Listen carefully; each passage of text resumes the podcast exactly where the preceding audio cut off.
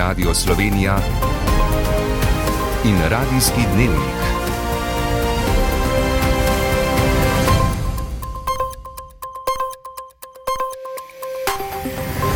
Ura je 18 in 30 minut. Lepo pozdravljeni. Tudi začetek novega tedna je prinesel nov izjemen športni uspeh. Smučarska skakavka ima klinec je v Lillehammerju osvojila tretje mesto in ostaja vodilna v seštevku norveške turneje. Uspeh je dopolnila Nika Križnar kot šesta, Katra Komar pa je s 13. mestom dosegla najboljši rezultat karijere. Več v športnem delu oddaje ta med drugim prinaša še te teme. Ministr Bešič Loredan glede primera neurokirurga Bošnjaka izrazil bojazen, da gre za sistemski problem. Premijer Golob Slovenija bo Bosni in Hercegovini ponudila vso možno pomoč na evropski poti. Moč Saudske Arabije se krepi tudi na račun rekordnih naftnih zaslužkov. Jutri bo dež od severozahoda zajel vso Slovenijo. Z vami sva Lidija Hartmann in Ana Štraus.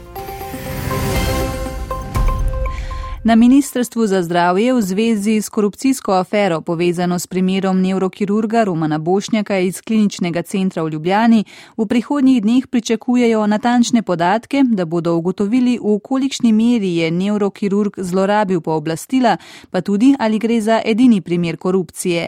Minister Daniel Bešič Loredan je pridobil tudi revizijsko poročilo Ljubljanskega UKC-ja. Podrobnosti bo skupaj z vodstvom predstavil v sredo. Revizijsko poročilo pa nam namerava poslati tudi Komisiji za preprečevanje korupcije. Podrobneje Nataša Mulec.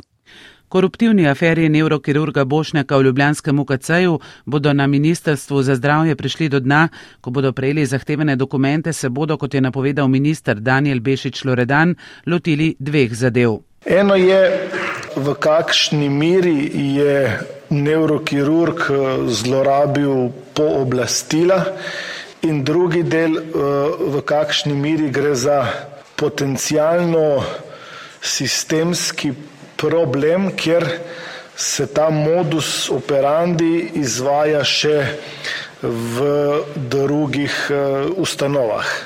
Če se bo pokazalo, da ne gre za osamljen primer, bodo na ministerstvu pripravili navodila, kako naj se v prihodnje opravijo samo plačniške storitve v javnih zdravstvenih zavodih. Da v Ljubljanskem UKC-ju ni vse, kot bi moralo biti, tudi v primeru javnih naročil, pa kaže revizijsko poročilo. Minister Bešič Loredan ga bo posredoval tudi Komisiji za preprečevanje korupcije. Eno ključnih sporočil revizije je, da gre zelo pogosto za nespoštovanje predpisov, predvsem z področja zakona o javnem naročanju. Kar zadeva medijske navedbe o svetovalnih pogodbah, ki jih je sklenilo Ministrstvo za zdravje v višini dobrega milijona evrov, je minister Daniel Bešič Loredan pojasnil, da je bilo doslej izplačanih 170 tisoč evrov, s prstom pa je pokazal tudi na svoje predhodnike. Smo bolj ali manj vsi ministri bili prisiljeni v sklepanje različnih pogodb in da ti zneski, o katerih se pogovarjamo, v ničemer ne izstopajo od običajnega. Glede digitalizacije zdravstva je zakon usklajen, zagotavlja minister Bešič Loredan. O preoblikovanju Zavoda za zdravstveno zavarovanje usklajevanja še potekajo. Zakon bodo dali v javno obravnavo, ko se bodo v koaliciji dokončno uskladili. Ni namreč ostalo skrito, da je prejšnji teden v koaliciji završalo zaradi načrtovane spremembe upravljanja Zavoda za zdravstveno zavarovanje. Premijer Robert Golop je končal svoj prvi uraden dvostranski obisk v tujini. V Sarajevu je pozval Bosno in Hercegovino naj izkoristi zgodovinsko priložnost, potem ko je decembra lani dobila status kandidatke za članstvo v Evropski uniji. Slovenija ji bo pomagala finančno in strokovno, med drugim bo za tehnično pomoč namenila milijon evrov iz proračuna. Iz Sarajeva Boštjan Anžin. Po 20 letih, ko se je proces širitve Unije na Zahodni Balkan s tehnično-administrativnimi vprašanji v resnici ustavljal, je zaradi spremenjenih političnih okoliščin po ruskem napadu na Ukrajino danes širitev politično vprašanje. Slovenija ne želi biti le največja prijateljica Bosne in Hercegovine na njeni evropski poti. Ampak želi biti največja zaveznica in zato bomo ponudili vso možno pomoč. Bosna in Hercegovina je v zgodovinskem trenutku, da izkoristi spremenjene okoliščine, zato da na svojem evropski poti dejansko pospeši korak. Ključen za napredek bo notranje politični dialog treh narodov, pomembno bo sodelovanje entitete Republike Srpske. V Sarajevo imajo že več let na mizi 14 prioritet Evropske komisije, ki jih še niso izpolnili, čeprav je nova vlada nekatere korake že storila. Da ćemo se okupiti oko svega onoga što nam je zajedničko i što nam je zajednički cilj. Zbrali se bomo okoli vsega, kar nas druži in kar je naš skupni cilj. Mislim, da mora biti teh 14 prioritet fokus in interes vseh nas v Bosni in Hercegovini. Kot je še dejal slovenski premijer, je prišlo do spremembe v slovenski zunani politiki, ki da zdaj strogo sledi principu solidarnosti med narodi, da bi dosegla politično stabilnost v svetu. Ker samo, če bomo imeli politično stabilnost, bomo lahko govorili o gospodarskem razvoju in o blaginji vseh ljudi. Stabilnost regije je pomembna tudi zaradi številnih slovenskih investicij. Slovenija sicer podpira tako imenovano mehko širitev Evropske unije, ko bi kandidatke reformni napredek občutile že pred samim vstopom v unijo, denimo na področju izobraževanja, mladih in gospodarstva. Ameriški predsednik Joe Biden se je danes s pomirjujočimi toni odzval na zaprtje dveh plačilno nesposobnih ameriških bank konec prejšnjega tedna. To pa ni pomirilo zaskrbljenih vlagateljev tako na ameriških kot evropskih borzah. Bojijo se namreč, da se utegnejo težave omenjenih bank z dolgoročnimi državnimi obveznicami preliti v celoten bančni sistem. Urška je rep.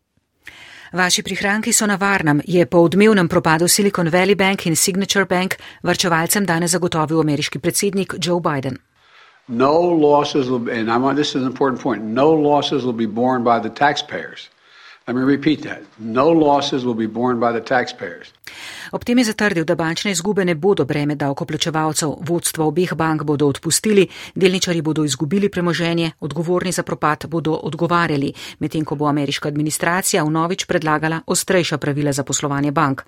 Tako Biden. Težave, s katerimi ste se soočili potopljeni banki, so sicer znane tako ameriškemu kot evropskemu bančnemu sistemu. Gre za pretirano naloženost z državnimi obveznicami, ki so se ob naglem dvigu obresti izkazale za nedonosne. Ale šlokar General Investments ko naenkrat banka mora izplačati določena sredstva ali vlagateljem ali vrčevalcem in mora prodati te obvezniške naložbe, tukaj začne nastajati luknja. Zdaj, koliko je teh lukenj, eh, to vedno nas pretekle krize učijo, ugotavljamo, potem. Dodatno sta si banki težave nakopali s prejemanjem depozitov start-up podjetij, ker to vrstna podjetja po večini ne potrebujejo velikih posojil, financirajo se drugače, sta banki sredstva nalagali v tvegane papirje. Se kaj takega lahko zgodi tudi v evropskih bankah, član uprave NLB skladi Blaž Bračič. Zdaj, a je zgodba lahko primerljiva v Evropi? Jaz mislim, da ne. ne. Start-up scena v Evropi je precej na nižji ravni in tudi izpostavljenost bank do na tak način je v Evropi precej manjša. Ne glede na to, nezaželene posledice hitrega in visokega dviga obrestnih mer tako v ameriškem kot v evropskem bančnem sistemu, kot kaže, ostajajo. Svet Evropske unije je za pol leta podaljšal sankcije proti skoraj 1500 posameznikom in 205 subjektom iz Rusije zaradi ogrožanja ozemalske celovitosti in neodvisnosti Ukrajine. Sankcije obsegajo omejitve potovanj za fizične osebe, zamrznitev premoženja ter prepoved zagotavljanja sredstev iz skladov ali drugih gospodarskih virov. Rusija bi lahko podaljšala sporazum o izvozu žita iz ukrajinskih črnomorskih pristanišč, ki se izteče v soboto. Moskva ne nasprotuje podaljšanju dogovora, vendar le za 60 dni, je po poročanju ruskih medijev po srečanju s predstavniki Združenih narodov v Ženevi povedal namestnik ruskega zunanjega ministra Sergeja Lavrova. V luči ruskega napada na Ukrajino in posledičnih podražitev energentov je za naftnimi družbami zelo uspešno leto 2022. Saudska družba Ramko je predstavila rezultate, ki kažejo nesluteno rast dobička v dveh letih za več kot dvakrat. Moč Saudske Arabije v svetu se tako povečuje, hkrati pa nič ne kaže na zmanjšanje porabe fosilnih goriv v svetu. Matej Hrastar. Saudski Aramko je eno največjih podjetij na svetu, preteklo leto pa je bilo za družbo in njene delničarje zelo uspešno. Po koronskem letu, ko je dobiček padel na manj kot 50 milijard dolarjev, je v letu 2022 znašal kar 161 milijard. Razlog leži v precej višjih cenah surove nafte, kar je direktna posledica vojne v Ukrajini. Za naftnimi družbami je sicer zelo volatilno leto, cene nafte so sprva zrasle do skoraj 140 dolarjev za sod in se na to vrnile v bližino 80 dolarjev. Poznavalci trga ocenjujejo, da Saudska Arabija za vsak dolar podražitve na sod zasluži dodatne 4 milijarde. Tudi zato bo Aramko delničarjem samo za zadnje četrtletje preteklega leta izplačal rekordne dividende v skupni višini skoraj 20 milijard dolarjev. Saudska Arabija pa se ne bo ustavila le pri tem. Denar potrebuje za megalomanske projekte ambicioznega kronskega princa Mohameda bin Salmana. Eden takih je futuristično mesto Neom, vrednost projekta je ocenjena na 500 milijard dolarjev. Drugi so zimske azijske igre leta 2029, prvice za to tekmovanje je država že pridobila, čeprav mora vso infrastrukturo v puščavi še zgraditi. Zato nameravajo produkcijo nafte še povečati. Če so v lanskem letu načrpali 11,5 milijonov sočkov dnevno, naj bi v štirih letih število dvignili na 13 milijonov. Lahko si predstavljamo, da to vzbuja skrb pri okoljevarstvenikih, ki bi si želeli prav nasprotno, torej postopnega zmanjšanja svetovne proizvodnje in porabe nafte. A Saudska Arabija trdi, da bo do leta 2060 postala oglično neutralna, poleg finančne moči ali prav zaradi nje pa si krepi tudi mesto v svetovni diplomatski areni. Zadnji uspeh je zabeležila v petek, ko je na kitajskem sklenila sporazum z Iranom in po sedmih letih obnovila diplomatske stike, kar bi lahko prineslo končanje osemletne državljanske vojne v Jemnu. O polnoči se boste pri nas tako benzin kot dizelsko gorivo zunaj avtocest podražila za cent in pol. Za liter benzina bo treba od jutri odšteti 1,374 evra, liter dizelskega goriva pa bo stal 1,504 evra. Za 1,9 centa se bo podražilo tudi korilno olje, nova cena za liter bo 1,097 evra. Radijski dnevnik. 16 županov spodnjega podravja zahteva pojasnila o reorganizaciji upravnih enot. Njihovo število bi zdajšnjih 58 zmanjšali na samo 12, v vsaki statistični regiji bi ostala samo ena. To je konec februarja napovedala ministrica za javno upravo Sanja Ajanovič-Hovnik. Župani še pozivajo ministrstvo naj preveri razmere na terenu, preden se odloči za ta korak. Sptuja Gabriela Milošič. Župani ostro nasprotujejo reorganizaciji, ki bi Ptujski upravni enoti vzela trenutni status in jo pripojila k upravni enoti Maribor. Ptujska županja Nuška Gajšek. Seveda župani temu odločno nasprotujemo tudi iz vidika, ker se bi po tem modelu prenašali gradbena dovoljenja in eh, dovoljenja za izdajo tujcem na eh, Maribor, kar pomeni v bistvu daljšano pot tudi za naše občane. Bistveno hitreje obravnavamo stvari, kot jih obravnavajo v Mariboru, eh, tako da noben argument racionalizacije ali pa ne vem, neke večje učinkovitosti tukaj seveda ne zdrži. Uradnik na Ptujski upravni enoti v povprečju obravnava 750 zadev na področju tujcev letno, medtem ko na Mariborski le 550. Opozarjajo župani v protestnem pismu, kjer so zapisali še, da je Ptujska upravna enota četrta v državi po številu prebivalcev, ki jih obravnavajo. Županja Ptuja. Mi zahtevamo dialog, eh, zahtevamo, da se predne se sprema kakršnekoli odločitve, eh, ministerstvo se stane z lokalno skupnostjo in seveda tukaj predebatiramo te rešitve. Jaz mislim, da smo vseeno župani tisti nosilci, ki vemo in poznamo življenje v naših občinah, poznamo tisto, kar naši občani potrebujejo. Zahtevo po dodatnih pojasnilih so naslovili še na predsednico državnega zbora in različna interesna združenja občin. Mestna občina Nova Gorica je na pobudo Ministrstva za kulturo spremenila odlog o ustanovitvi javnega zavoda GO 2025 Evropska prestolnica kulture. Ministrstvo kot večinski sofinancer projekta je namreč želelo imeti svojega predstavnika v svetu zavoda. Ta bo imel odslej osem članov. Mestni svetniki so potrdili tudi letošnji kadrovski načrt, ki pa prinaša manj zaposlitev od načrtovanih. Karin Zoran Čebokli. Zavod Go 2025 Evropska prestolnica kulture bo v letošnjem letu dobil tri dodatne zaposlitve, je povedal direktor Gorast Božič. Gre pa za pomočnika direktora za splošne finančne in pravne zadeve, um, še za enega strokovnega sodelovca, ki bo pokrival glasben resor in poslovnega uh, vodjo Epika, tega bodočega čezmejnega muzeja s pogledom na zgodovino z dveh strani meja, ki ne bi bil v skladišču ob železniški postaji. Do konca leta bo imel zavod 15 zaposlenih, po načrtih sprijetih leta 2020 pa bi jih moral imeti več kot 20. Žal uh, smo podvrženi tudi dinamiki financiranja, ki je unesena v te dolgoročne uh, načrte razvojnih programov tako občine kot države. In z vsemi povišanji plačnih razredov in avtomatsko tudi uh, naša sama delovna mesta, ki so podvržena temu, da so za določen čas že po neki inerciji Eh, vsak, ki pride, eh, ima malo višjo plačo, kot če bi bilo to eh, delovno mesto za nedoločen čas. Smo prebili ta limit, ki je bil s financami predviden v letu 2020. Upam in računam, tudi glede na pogovore z mestno občino Goreca v zadnjim, te zadnjih tednih, da bomo skupaj nastopili do vlade in uspeli doseči še kakšne spremembe oziroma dodatne financiranje. Potrebovali bi še nekaj skrbnikov projektov, knjigovodjo, organizatorja, producenta in koordinatorja. To so taka delovna mesta, ki so v bistvu že letos nujna, vsaj v drugi polovici leta, da lahko pol splaniramo vse operativne zadeve na terenu vezano na projekte, ker sicer bomo prišli v letu 25 pač nepripravljeni. Ne? Novogoriški mestni svet se bo sicer s poročilom o dosedanjem delu javnega zavoda predvidoma seznanil na prihodnji seji. Razmere in korupcijska tveganja v zdravstvu so v spredju po razkritju primera neurokirurga Romana Bošnjaka iz Ljubljanskega kliničnega centra. Ministr Daniel Bešič Loredan je napovedal, da bodo, ko pridobijo potrebno dokumentacijo, preverili, ali gre za edini primer. Če pa bodo ugotovili, da je ravnanje sistemsko, bo ministrstvo odredilo izredni upravni nadzor v naši največji bolnišnici.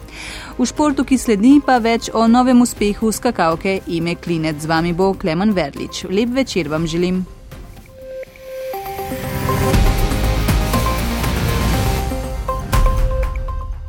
Začenjamo na severu Evrope. Norveška turneja za smučarske skakalce se je iz Osla preselila v Lillehammer, kjer se Slovenija veseli nove uvrstitve na zmagovalni odr.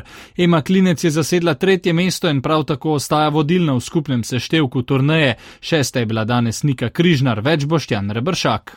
Še tretja zaporedna uvrstitev Eme Klinec na zmagovalni odr na tretji tekmi norveške turneje in utrditev v skupnem vodstvu po treh četrtinah tekmovanja pred sklepno eksibicijo na letalnici v Vikersundu je prinesla v novično zadovoljstvo slovenski reprezentanci, ki se je razveselila še šestega mesta Nike Križnar in uspeha karijere Katre Komar, ta je tekmo končala na 13. mestu. Točke sta usvojili tudi Nika Prevc in Maja Otič. Šesta od skupno devetih etap norveške turneje je minila v sneženju, a zelo enakovredni hudournih vetrovnih razmerah, ki jih je najbolje izkoristila Silja Opset. V finalu je 131 metri uspel skok dneva in se je na vrh zavihtela sedmega mesta, presenetljivo druga Nemka Selina Freitag. Ema Klinec je še povečala vodstvo v seštevku turneje in se učvrstila na tretjem mestu v seštevku svetovnega pokala. Ženske čakata še dve tekmi, moške pa že v tem večeru trening in kvalifikacije pred jutrišnjo tekmo. Po končanem pokalu Vitranc je smučarska karavana že zbrana na prizorišču finala sezone svetovnega pokala v Andori. Na prvem treningu pred zadnjim smukom sezone je četrto mesto osvojila Ilka Štuhec, med smučarji je bil najhitrejši švicar Marko Švarc, Rok Ažnoh pa je zabeležil 24. čas kolesarstvu, le dan po koncu dirke med Parizom in Nico so prireditelji tura še enkrat povezali obe mesti. Zaradi olimpijskih iger v Parizu bo namreč naslednje leto zaključek francoske kolesarske pentlje v Nici. Pred zadnji dan bodo pripravili zelo zahtevno traso v zaledju Azurne obale, zaključna nedelja pa ne bo ponujala brezskrbne vožnje proti Elizejskim poljanam. Na sporedu bo vožnja na čas med Monte Carlo in Nico, tudi prek uspona na Eze, kjer je včeraj zaplestel Tadej Pogačar. Že tem tednu pa nam bo kolesarski koledar ponudil prvega med spomeniki, dirko med Milanom in Sanremom, kot kaže tudi s petimi slovenci. Prireditelji najmočnejšega namizno-teniškega turnirja v prvem delu sezone v Singapurju imajo kar nekaj težav z urnikom tekmovanja. Darko Jorgič bo zdaj dvoboj drugega kroga odigral jutri, nasprotnik bo 58. igralec svetovne lestvice Nemec Kilja Nord. Jorgič igra tudi med dvojicami, kjer je združil moči z najboljšim evropskim igralcem, švedom Trulsom Meregordom. Za konec še rokomet, kot poroča avstrijska tiskovna agencija, selektor naših severnih sosedov še vsaj do leta 2025 ostaja nekdani slovenski reprezentant Aleš Pajovič. Pajovič je zbrano vrsto Avstrije prevzel leta 2019, z njo pa leto pozneje na domačem evropskem prvenstvu zasedel osmo mesto, v zadnjih dneh pa je popeljal tudi skozi kvalifikacije za evropsko prvenstvo v Nemčiji prihodnje leto. Poslušali ste radijski dnevnik, urednica Špela Bratina, voditeljica Ana Štraus, napovedovalka Lidija Hartmann, tovski mojster Boštjan Repanšek.